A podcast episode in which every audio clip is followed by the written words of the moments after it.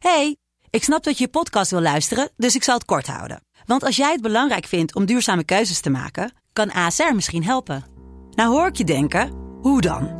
Nou, bijvoorbeeld bij het duurzaam herstellen van schade. Of de premies die we beleggen volgens ons duurzaam beleggingsbeleid. Dat bepaalt waar we wel en juist niet in investeren. Wil je meer weten over welke duurzame keuzes ASR maakt? Ga dan naar asr.nl slash duurzame keuzes. ASR doet het. Zo, dan kan je nu lekker naar je podcast luisteren. Hey, ik snap dat je je podcast wil luisteren, dus ik zal het kort houden. Want als jij het belangrijk vindt om duurzame keuzes te maken, kan ASR misschien helpen. Nou hoor ik je denken, hoe dan?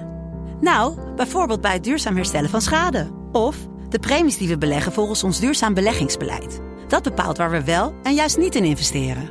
Wil je meer weten over welke duurzame keuzes ASR maakt? Ga dan naar asr.nl slash duurzame keuzes. ASR doet het. Zo, dan kan je nu lekker naar je podcast luisteren.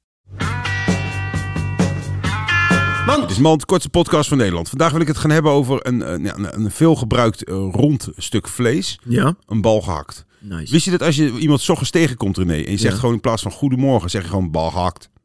Dan ze het niet merken? Echt niet? Nee, probeer het maar eens. Bal gehakt. Bal gehakt. Dit was Mand.